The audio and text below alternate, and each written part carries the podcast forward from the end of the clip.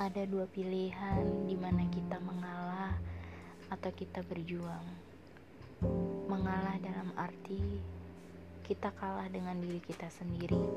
Kita kalah dengan emosi, dengan ego yang benar-benar membuat diri kita hancur karena sebuah prasangka-prasangka.